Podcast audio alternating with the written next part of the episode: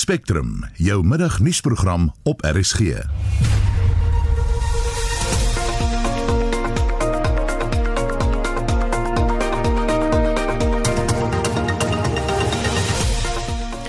In vermiddag se program 'n kenner bespreek die jongste middel teen die koronavirus. Boere in KwaZulu-Natal word aangemoedig om hulle beeste in te ent teen brucellose. Gewoonlik word dit direk oorgedra, jy weet nadat 'n koei gekalf het of nadat sy geaborteer het, skei sy van hierdie organismes van hierdie bakterieë af in die vrugwater en met die vrugvliese in swaan. En op daai manier, jy weet, kan die ander beeste dan weer daarmee in kontak kom. Vandag is wêrelddag vir babas wat prematuur gebore word. Ons praat met 'n moeder daaroor en die regering kondig planne aan om haaibewaring te bespoedig. Welkom by Spectrum. Die span is Wesel Pretoria se Evert Snyman en ek is Susan Paxton.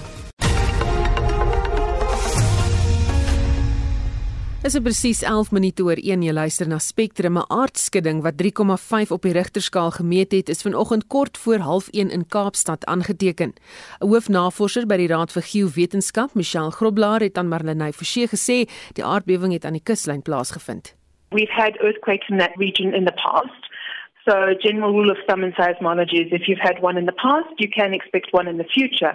It's just unfortunately we cannot predict when. So, that's the one thing. Typically, what an earthquake is caused by is the earth is not a, just a dead rock, it's obviously alive and it's moving, and stresses build up in the, in the earth's crust, and it needs to get released somehow and it usually finds a weakness in a rock and it gets released and that's the earthquake we feel. Sis jy oortuig daarvan dat naskokke hierop gaan volg nie? When this energy gets released, sometimes it doesn't all get released at once. So the aftershocks are just more of that energy getting released until the, it hits equilibrium. But for a 3.5, should there be aftershocks, it's very unlikely that you'd be able to feel it because generally aftershocks will be much lower than a 3.5. It comes after the main shock and it's smaller than your main shock. Dis egter nie die eerste keer dat 'n aardskudding aan die kus van Kaapstad gevoel word nie. In 1969, there was a magnitude 6.3 just out, well, Ceres Tulbach region. So that's where our largest event was. But generally, we're very lucky in South Africa. We're in a low to moderate seismically active area. So it means that basically we get more of the smaller events. En dis 'n vraesheid dat diegene wat die aardskudding gevoel het, hulle ervaring daarvan met die raad op hulle webtuiste deel as deel van 'n landwyse navorsingsprojek. We started in Johannesburg. We do what's called a microzonation study, where we can identify areas within Johannesburg which, should there be an earthquake, would tend to amplify the ground motion. We can then map this and then we can feed it to the city development and we can also feed it to disaster management.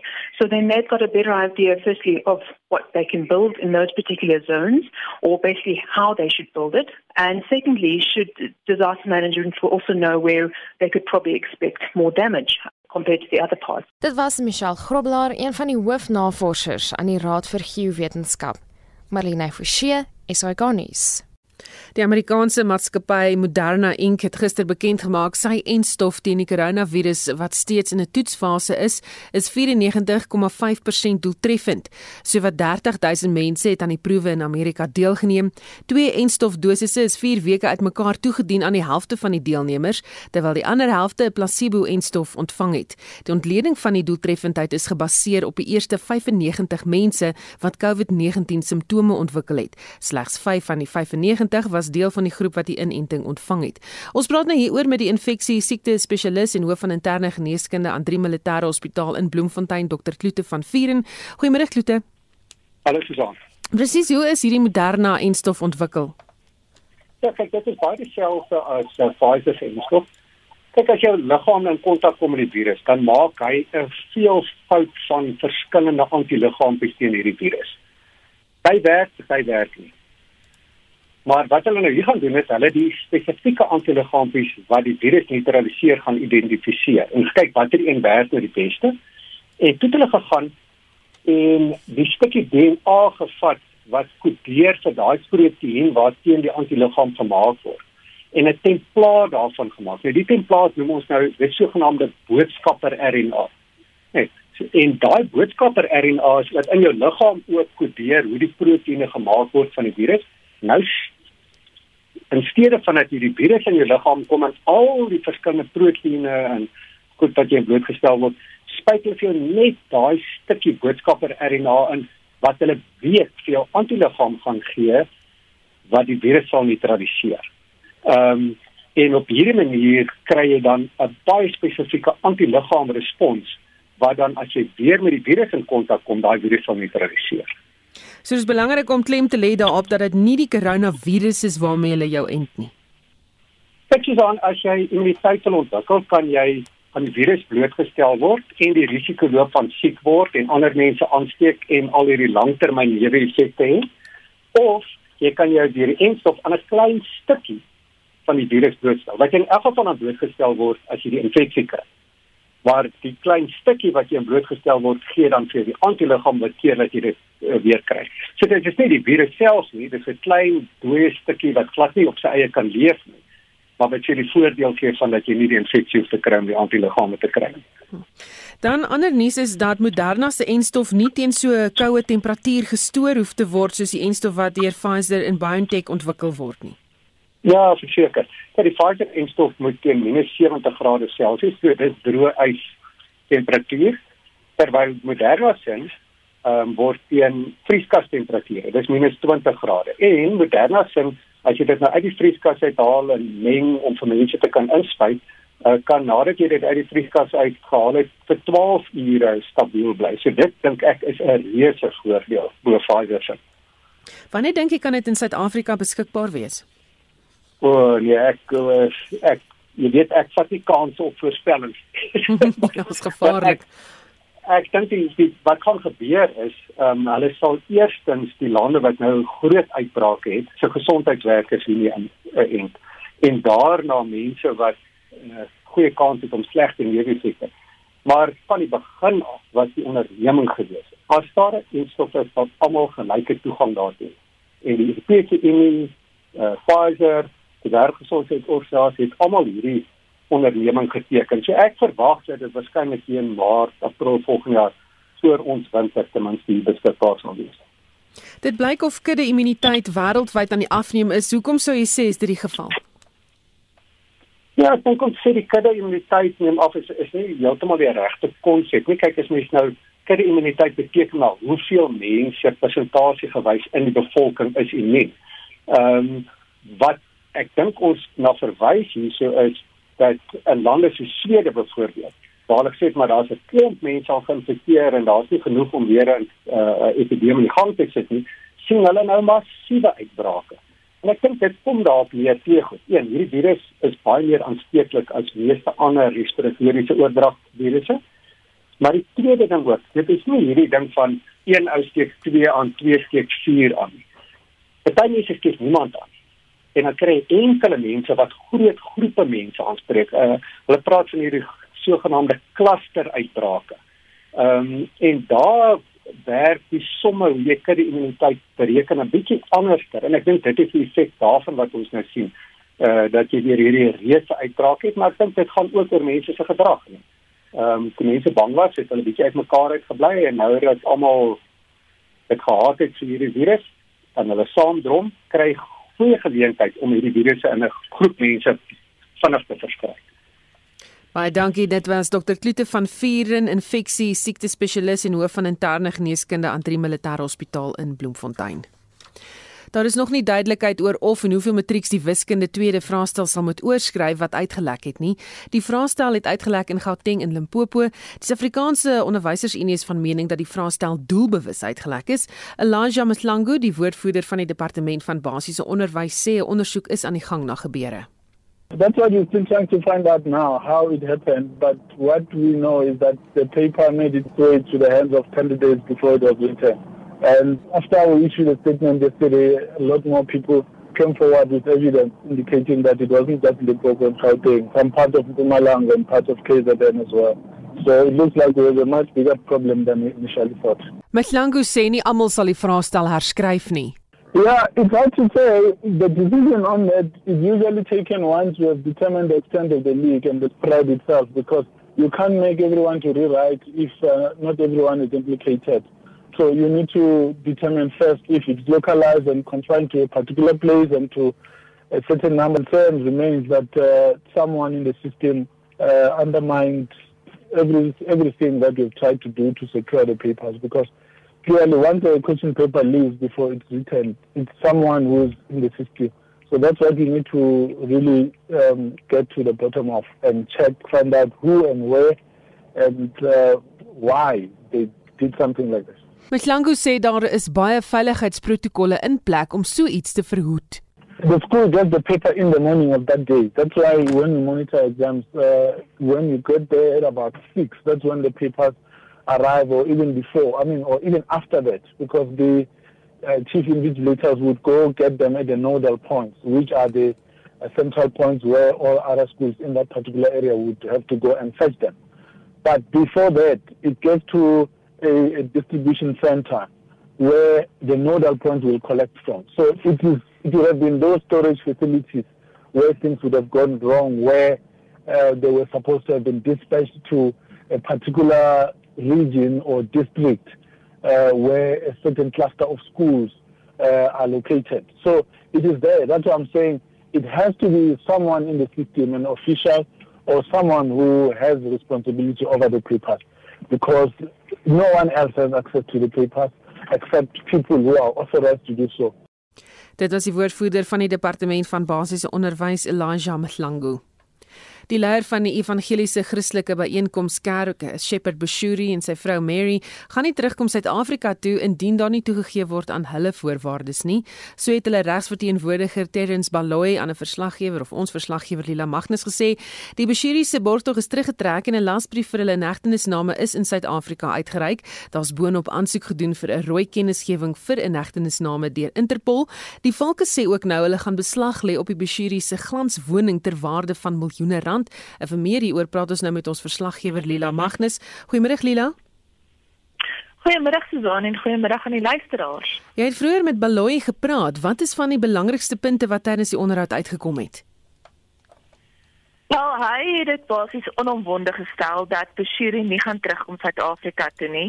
Ehm um, nie voordat sy vereistes voldoen word nie. Hy het Saterdag het hy op sosiale media 'n video gesit waarin hy sy vyf vereistes uiteengesit het en Baloy sê vir hulle is dit van uiterste belang dat hierdie vereistes eers nagekom word voordat hy Suid-Afrika toe kom. En dit kom nou na hulle borgtog teruggetrek is, so daardie beshiris al klaar 400 000 rand verloor en die svalke wat gesê het hulle as hulle teen donderdag nie in Suid-Afrika is nie, gaan hulle beslag lê op daai huis wat oor die 5 miljoen rand werd is. Maar dit wil my voorkom dit plan nie vir die Bushiris nie want hulle sê as daar nie aan hulle eise voldien word nie, kom hulle nie terug Suid-Afrika toe nie. So wat is die vereistes wat deur die Bushiris aan Suid-Afrika gestel is? Ja, hulle wil onder meer hê die Suid-Afrikaanse regering moet hom en sy vrou se veiligheid en sekuriteit waarborg terwyl hulle in Suid-Afrika is.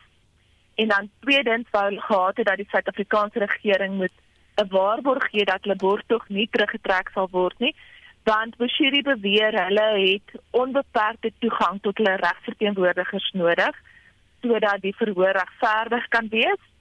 Derdens het hy gesê die polisiebeamptes wat by die ondersoek by hulle inhegtenisname en by die vervolging betrokke is, moet hulle self van die saak verskoon omdat hy beweer dit dieselfde beamptes wie hy klagtes aanhange gemaak het en hy sê hy sal nie met die verhoor voortgaan as hulle daarbey betrokke bly nie.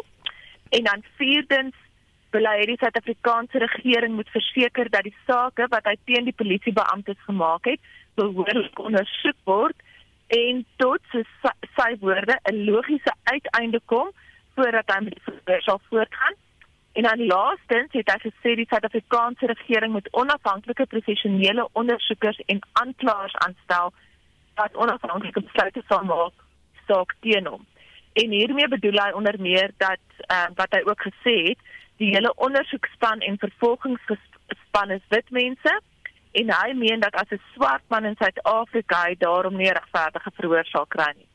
En Baloyi sê as dan nie aan al hierdie vereistes voldoen word nie, Bashiri nie terugkom Suid-Afrika toe nie. Baie dankie, dit was ons verslaggewer Lila Magnus. Die eh, minister van binnelandse sake, Dr. Aaron Motsoaledi sê intussen hy verstaan die landwyse frustrasie oor die Bushiris. Hy het vroeër voor 'n parlementêre komitee verskyn oor die saak en ons verslaggewer Zelin Merrington hou die verwikkelinge dop. Goeiemôre Zelin. Middag Susan. Kon die minister al verduidelik wat gebeur het? Susan, die minister kon kon absoluut geen inligting gee aan die komitee wat nie reeds in die uh, openbaar beskikbaar is nie. Hy het net vir die komitee verduidelik, ehm um, kyk het eersins begin deur te sê ehm um, met die Bushiri se borg aansoek het hulle as 'n binnelandse sake aangevoer dat die twee mense nie ehm um, borgtog moet kry nie. Hulle het albei vyf ehm um, paspoorte glo wat deur die Malawiese regering ehm um, uh, uitgereik was en hulle daarom geglo dat hulle 'n uh, vlugrisiko is.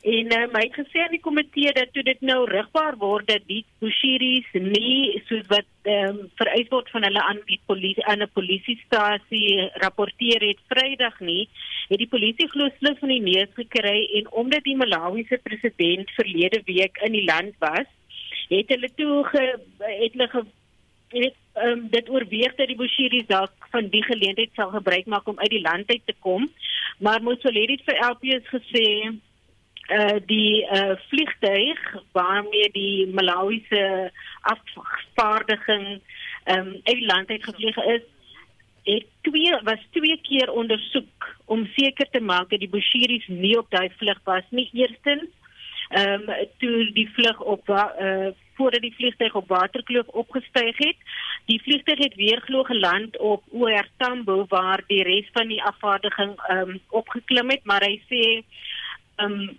dit alle dokumente is noukeurig nagegaan om te verseker dat die persoon met die wat die paspoort het inderdaad die regte persoon is. So hy vlug was twee keer ondersoek. Op die stadium sê hy ook daar is geen bewyse hulle uit die aard van die saak ehm um, weet wettiglik ehm um, die land verlaat het deur uh, gebruik te maak van een van die ehm um, landsgrense en hierso op rekord is daar geen bewys watter ehm um, grens hulle gebruik het nie. So op die stadium kon hy net vir die komitee meer lig werp op die saak soos wat ek sê soos wat nou alreeds die inligting wat reeds beskikbaar is nie. So wat gebeur nou van hier af? Die komitee, lede van die komitee, ek moet sê almal was nogal ehm um, baie omgekrap oor die situasie, ook die feit dat die Bushiris het ehm um, valse dokumentasie sedert 2009 ten minste het hulle vals uh, dokumentasie ehm um, identiteitsdokumentasie waarmee hulle oor die weg kom in die land.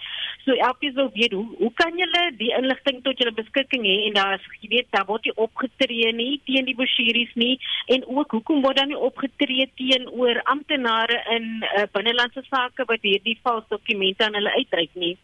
Ehm um, so die komitee wil nou hê want op 'n stadium het Aaron Motsoaledi ook gesê, "Oké, okay, ek is deel van 'n baie groter sekuriteits um, groepering in die regering en um, binnelandse sake se verantwoordelikheid gaan net tot so ver en ons is besig om te ondersoek hoekom hierdie mense valse dokumentasie gehad het, maar dan verder soort van was hy sy hande om te sê ehm um, hy het nie beheer oor sekere aspekte van sekuriteit nie. So die komitee het nou gesê goed en wel, ehm um, die sekuriteitsgroepering sal dan na die komitee ehm um, ontbied word sodat hulle kan verduidelik presies hoe gebeur dit dat twee volwassenes net eenvoudig uit die land kan verdwyn. Baie dankie, dit was ons verslaggewer Zailien Merrington. Die Suid-Afrikaanse beleggingskonferensie begin vanmiddag hier op eie bodem. Die doel is om meer as 1000 miljard rand in beleggings in Suid-Afrika te verseker. Ons praat met 'n beleggingsstrateeg van Old Mutual Wealth, Isak Odendaal. Goeiemôre Isak. Goeiemôre. Wat verwag jy sal alles uit die konferensie kom? Man, hopelik is daar goeie nuus in terme van ehm um, nuwe beleggings wat verseker word. Ehm um, en ook 'n bietjie meer inligting oor van die vorige beleggings wat uh, beloof is wat weet wat die vordering daarmee met, met van daai projekte is ehm um, en of, of van daai projekte nou voortgaan in die in die in die post-covid era. Ehm um, so dit is dit is waarvoor ons ons wil kyk. En is daar spesifieke lande wat ons gaan dophou tydens die konferensie? Ek ek dink dit maak regtig saak in terme van lande waar die waar die beleggings vandaan kom. Jy moet hulle mengsel wees van Afrikaanse maatskappye en en buitelandse maatskappye. Dit is natuurlik verkieslik om om belegging van die buiteland in te lok, uh want dit kom saam met met valuta en dit kom saam met kennis en tegnologie en so aan. Uh, maar by maak dit nie soveel saak watter lande die beleggings vandaan kom nie. Ehm um, en en dis op die ouend maatskappye wat hier belê. Dis nie dis nie lande as sulks nie. So dis nie 'n regering tot regering gesprek wat plaasvind nie. Ons probeer maatskappye lok om hier te kom te kom besigheid doen om te kom belê, fabrieke te bou, ehm uh, myne te bou en so aan. Hoe belangrik is hierdie konferensie vir ons? Want ek dink dit is 'n dis 'n vertoonvenster. Ehm um, en ek dink dit is 'n geleentheid vir Ramaphosa om Suid-Afrika aan die res van die wêreld te verkoop. Maar ek dink dit is ook belangrik dat Ramaphosa sy sy vordering, sy beleid aan die res van ons verkoop met ander woorde aan Suid-Afrikaners. So dit is wel baie twee doelwitte. Een is om om Suid-Afrika se beleggingsbestemming aan die res van die wêreld te verkoop, maar ek dink hy wil ook 'n boodskap aan Suid-Afrikaners gee om te sê weet ons maak vordering uh ons is besig om die ekonomie om te om te draai ons is besig om ons hervormings ehm um, te implementeer en en hier is die vrugte wat ons pluk as gevolg daarvan. En ek dink die die vlakke van skeptisisme in Suid-Afrika is is is maar nog redelik hoog soos uh, ek dink soos al die luisteraars weet. Baie dankie, dit was 'n beleggingsstrateeg van Old Mutual Wealth, Isak Odendal. Jy luister na Spectrum elke weekmiddag tussen 1 en 2. Hoofnuus in Spectrum vandag Interpol gevra vir 'n kennisgewing om die Bushiri egpaar in hegtenis te neem. Boere in KwaZulu-Natal word aangemoedig om hulle beeste in te ent teen brucellose. Dis teen die wet om dit weg te steek. Dan mens moet dit definitief vir die vir die staat dan laat weet, nie vir die staatsveers of vir die staatslaboratorium en dan dan sal hulle dit verder neem. Vandag is wêrelddag vir babas wat prematuur gebore word en die regering kondig planne aan om haaibewaring te bespoedig, bly ingeskakel. Daar is geen verkeer. In KwaZulu-Natal staan 'n voertuig op die N3 Wes net na die Pieter Brown Rylaan afrit. Kaapstad staan 'n voertuig op die N1 stadtyd net na Okuwangu weg en daar staan 'n voertuig op die N2 stadtyd op Sir Larry's Pass. Dit is jou verkeersnuus. 1335 jy luister na Spectrum. Bongani Bongo, die voorsitter van die parlementêre komitee vir binnelandse sake en beleerde ANC lid wat ook aangekla is vir bedrog, posisies moet tree tot die ondersoek afgehandel is. Bongo sê egter daar is uh, geen sulke planne vir hom nie. What has happened was that the following a decision of the National Executive Committee the ANC is processing all related matters around issues of stepping aside and so on. So once the ANC is done with that process, we are going to be um, uh, giving our attitude towards that. But as we as we stand and as we have said before, was that uh, this is a country that is governed by a supreme law, which is the constitution of this republic. The constitution clearly states that anyone who has been accused is presumed to be innocent until proven otherwise.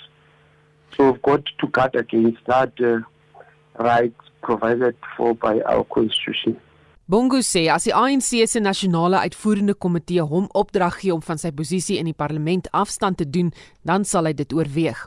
It will come from the entire National Executive Committee. So in the next sitting of the National Executive Committee, deal with those kind of issues. But uh, as I'm telling you that uh, the Constitution of the Republic is the supreme law. Mm. Any law that you want to pass that is inconsistent with the Constitution of the Republic, it is invalid and, and unconstitutional. So we're grappling with those issues, but uh, we will be kept abreast on what are the developments around that particular issue. Bongo wou nie uitlaat oor of die sekretaris-generaal van die ANC, Ys Magashule, ook vereers moet op sy staan tot tyd en wel die klagtes teen hom ondersoek is nie. I think we we need to follow the law. We're not uh, a banana republic. We're governed by by the law. Anything that we do must find expression from the law. So whatever we do must find expression from the law. So the law does prescribe on what people must do under what circumstances. In this case, I think Secretary General too is uh, is presumed to be innocent until proven otherwise.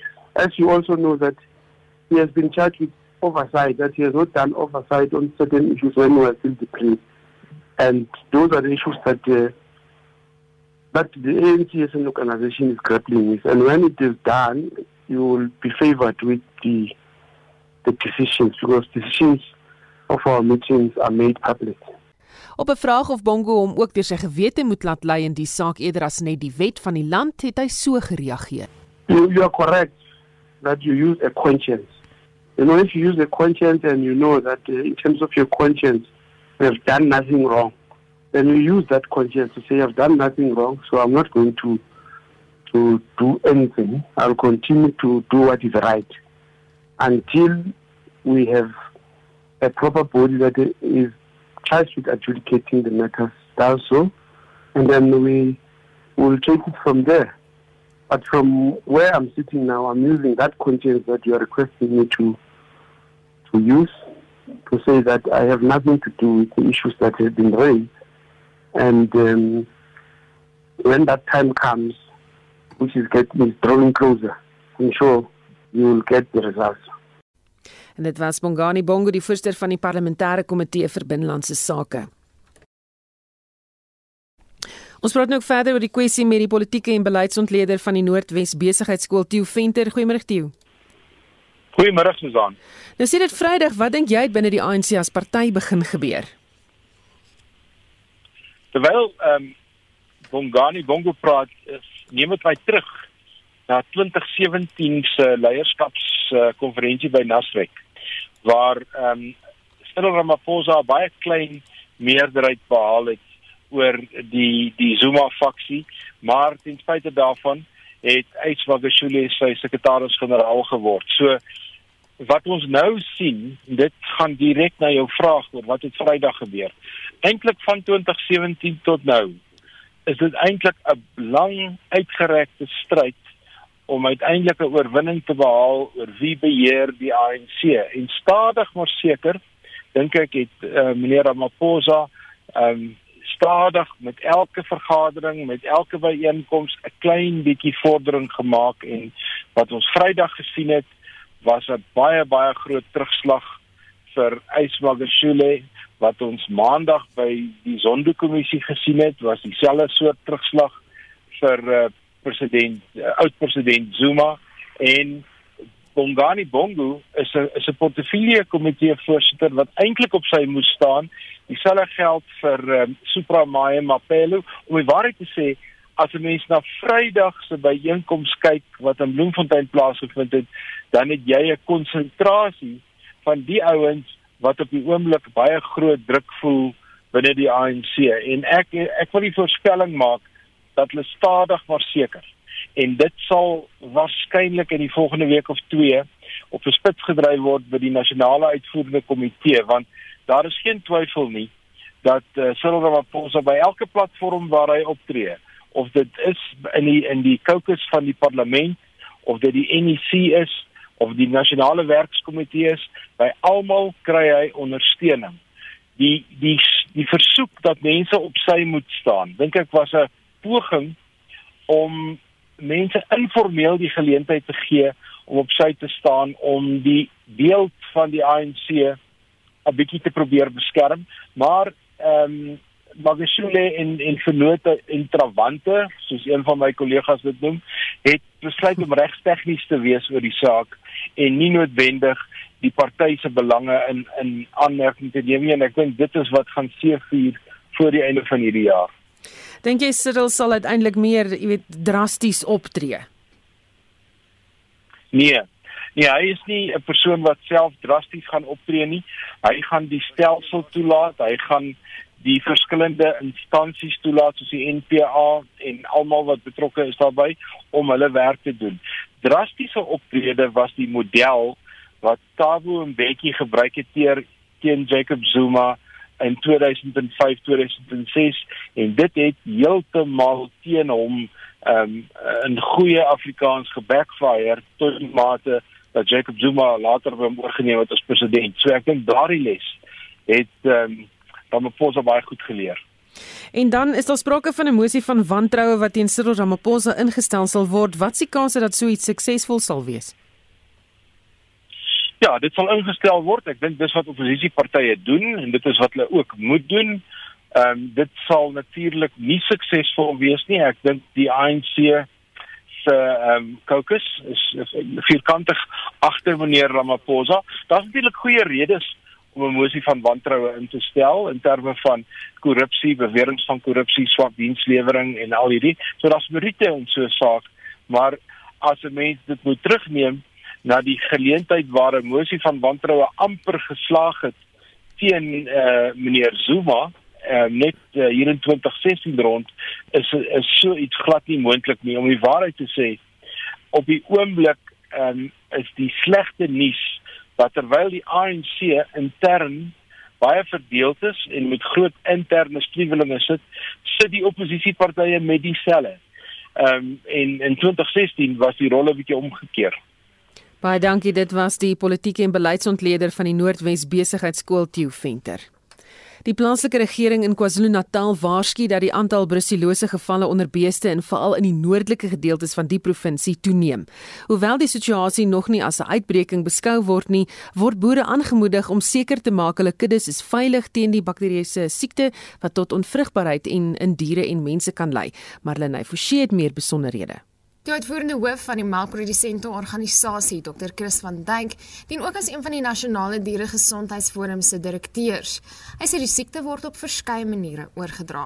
Indirek byvoorbeeld, jy weet met vliee en goeders en natuurlik instrumente en so aan, maar gewoonlik word dit direk oorgedra, jy weet nadat 'n koei gekalf het of nadat sy geaborteer het, skei sy van hierdie organismes van hierdie bakterieë af in die vrugwater en met die vrugvliese en so aan. En op daai manier, jy weet, kan die ander beeste dan weer daarmee in kontak kom en natuurlik 'n kalfie ook. 'n kalfie kan gebore word. Jy weet uiteindelik die gewoonlik op die eerste kalwing gaan daai koei gaan sy aborteer. Maar daarna jy weet kan sy normaal kalf en dan as hy normaal kalf weet gaan sy um, tydens die geboorteproses word daai kalf ook besmet. Behalwe vir die verlies van kalvers op 6 of 7 maande van 'n koei se swangerskap is al min beduidende simptome.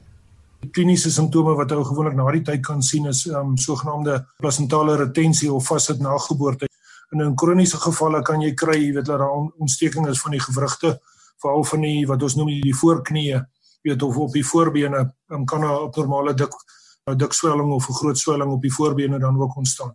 Die kudde siekte versprei blitsvinnig en kan nie behandel word nie. Behalwe vir die reuse finansiële impak op beesboerderye, kan die siekte boonop in uitsonderlike gevalle aan mense oorgedra word.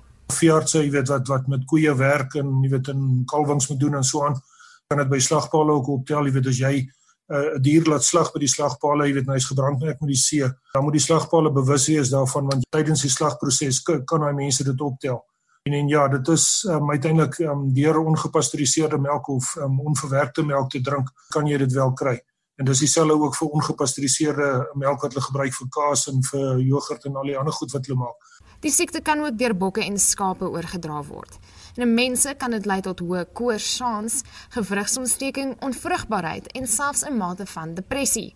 Daar's egter volgens hom nie 'n rede tot paniek nie.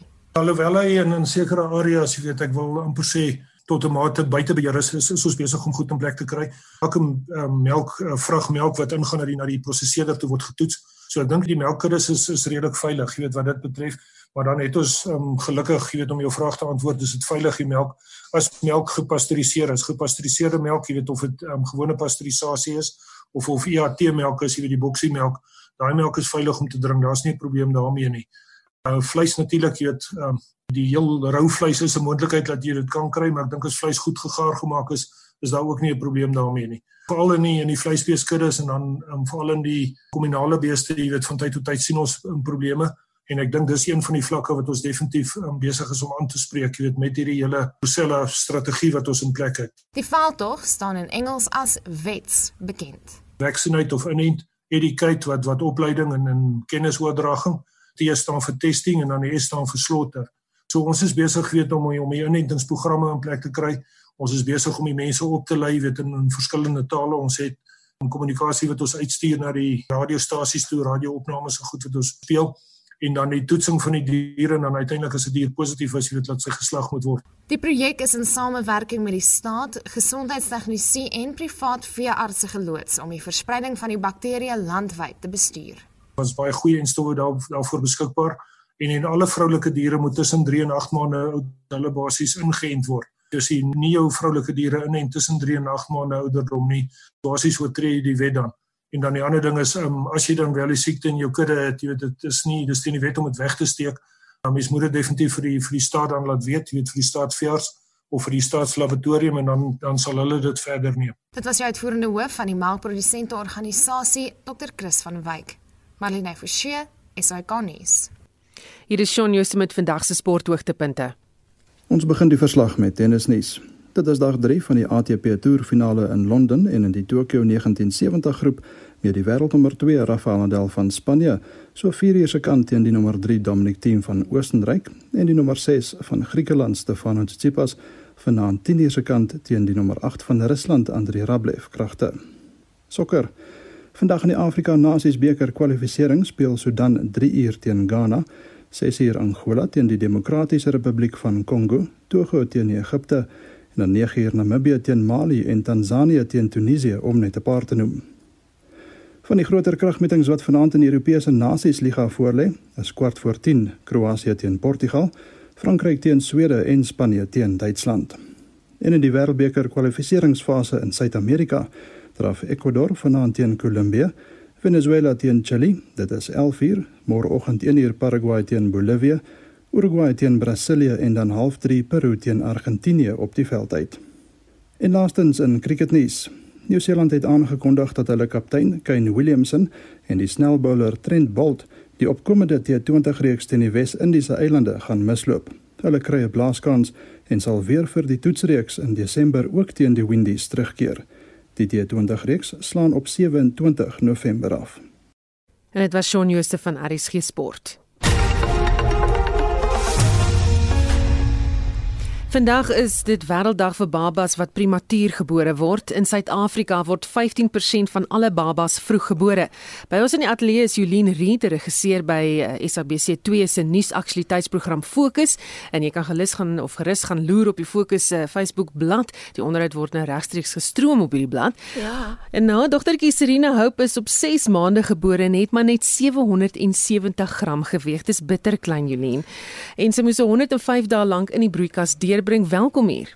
Baie dankie Susan en baie dankie vir die geleentheid ook net om oor hierdie ervaring te kan praat en ook die van die geleentheid gebruik te maak om vir ander moed in te praat wat ook deur dieselfde situasie gaan.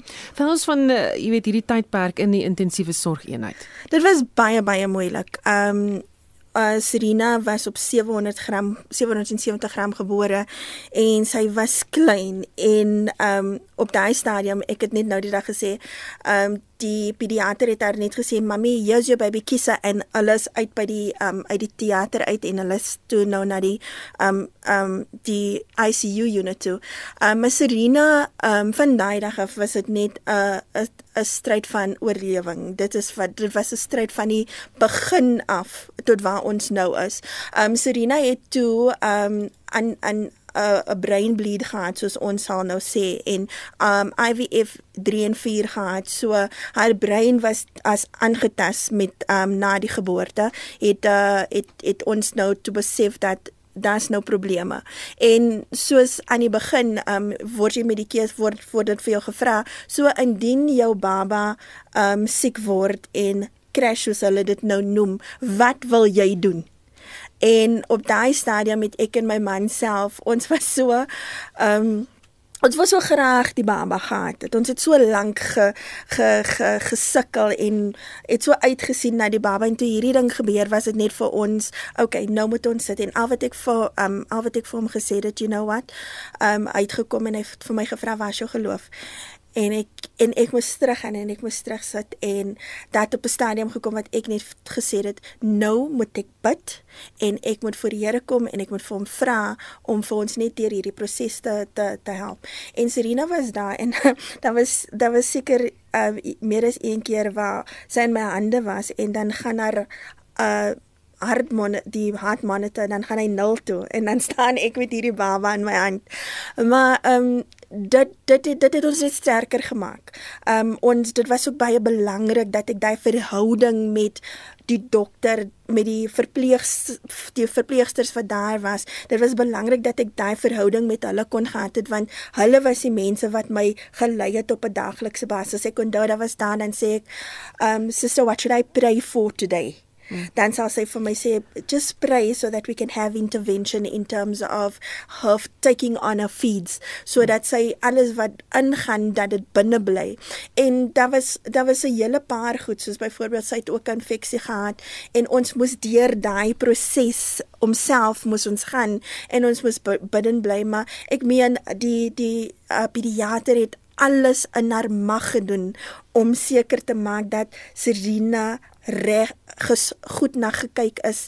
Um ons het konstant haar gewig dopgehou. Ek gaan jy dan nie rede val um net vir tyd, maar ek wil graag vir jou vra, Serena is nou 3 jaar oud. Hoe het julle as 'n gesin hierby aangepas? Want ek neem aan die probleem is Kijk, nie oor nie. Sodra sy uit die hospitaal uitkom, is sy so is sy so bang en jy so happy die kind is nou by die huis. Maar met toe sy uit die hospitaal uitkom, was daar ander goed ook wat ons nou na moet kyk. So ons is ons ons is elke week in in 'n uh, sien ons 'n fisioterapeut wat ons deur die proses help. En ehm um, so ehm um, Wasserina nou is vir haar arms net oop is, was sy nie haar arms nader gebring het nie, doen sy nou dit. Maar die ding is met hierdie tipe uh uh terapie wat ons doen is die die maklike maniere soos byvoorbeeld mense altyd kyk na 200 rand se toy 'n microwave toy wat jy nou vir jou kind gaan koop want jy wil nou jou kind leer dan kom die terapeut en maak sy 'n boks Sy vat 'n ou boks en sy maak um iets uit 'n kartonboks uit wat hierdie kind nou kan gebruik wat dieselfde konsep is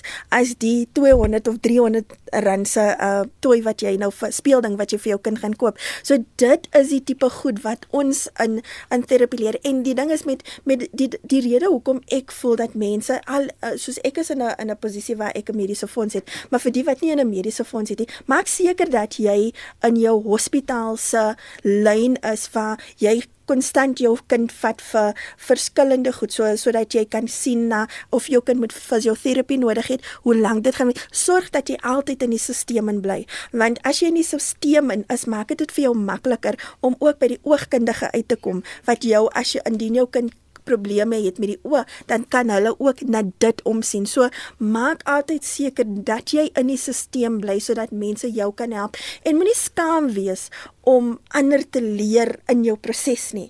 Alles wat jy deurgaan, leer ander ook sodat hulle ook kan verstaan en sodat jy ook like 'n bron van hoop kan wees hmm. vir iemand wat miskien deur dieselfde situasie gaan. Ek dink jy het in hierdie kort tydjie baie waardevolle inligting gegee. Baie dankie. Dit was Jolien Reed, regisseur by Fokus en die ma van Serena Hope en ons is bly sy is nog met ons wat op 6 maande gebore is, nou al 3 jaar oud. Baie dankie Jolien. Baie dankie Susan. Saterdag is internasionale visserye dag en in aanloop tot die dag het die departement van bosbou, visserry en omgewingsake vandag 'n aksieplan in Kaapstad bekend gemaak oor spesifiek haaibewaring.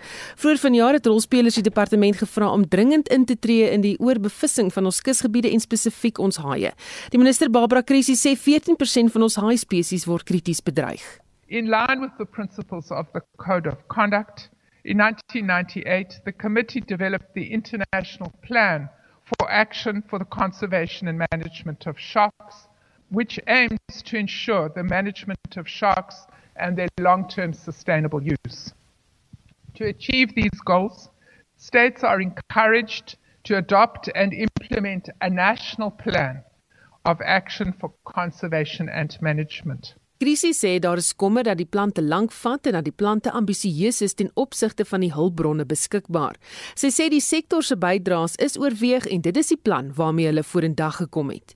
The first area is effective communication and coordination from scientific evidence and advice to policy and management action.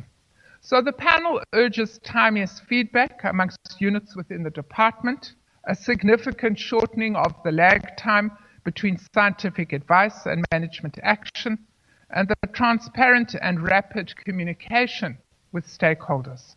The second area for attention is the development of measurable indicators to track the progress and completion of actions. These should include timelines and quantities For example, the number of species assessments completed or the percentage of observer coverage achieved. Thirdly, the panel recommended that the ecosystem effects of fishing and spatial conservation and management measures need to be adequately covered in the plan. Emerging science demonstrates that local or regional area based management can have positive impacts for shark populations and can reduce conflict between user groups.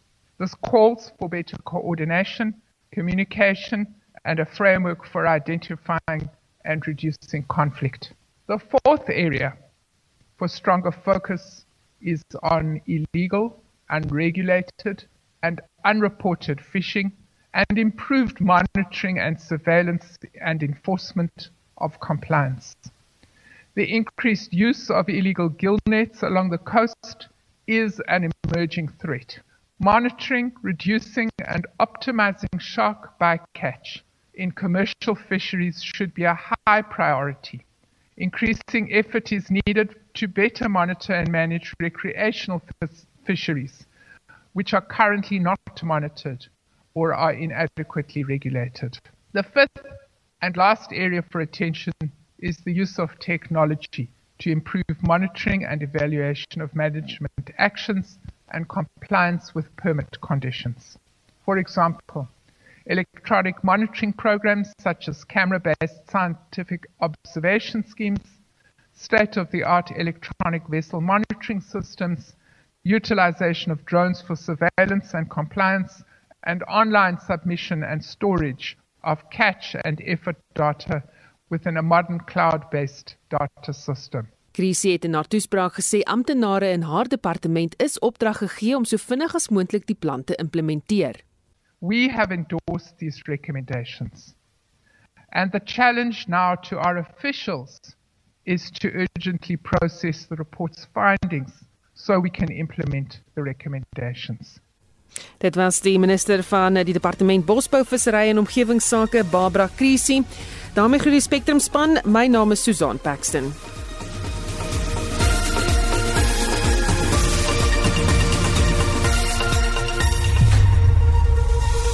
SAK nuus. Onafhanklik, onpartydig.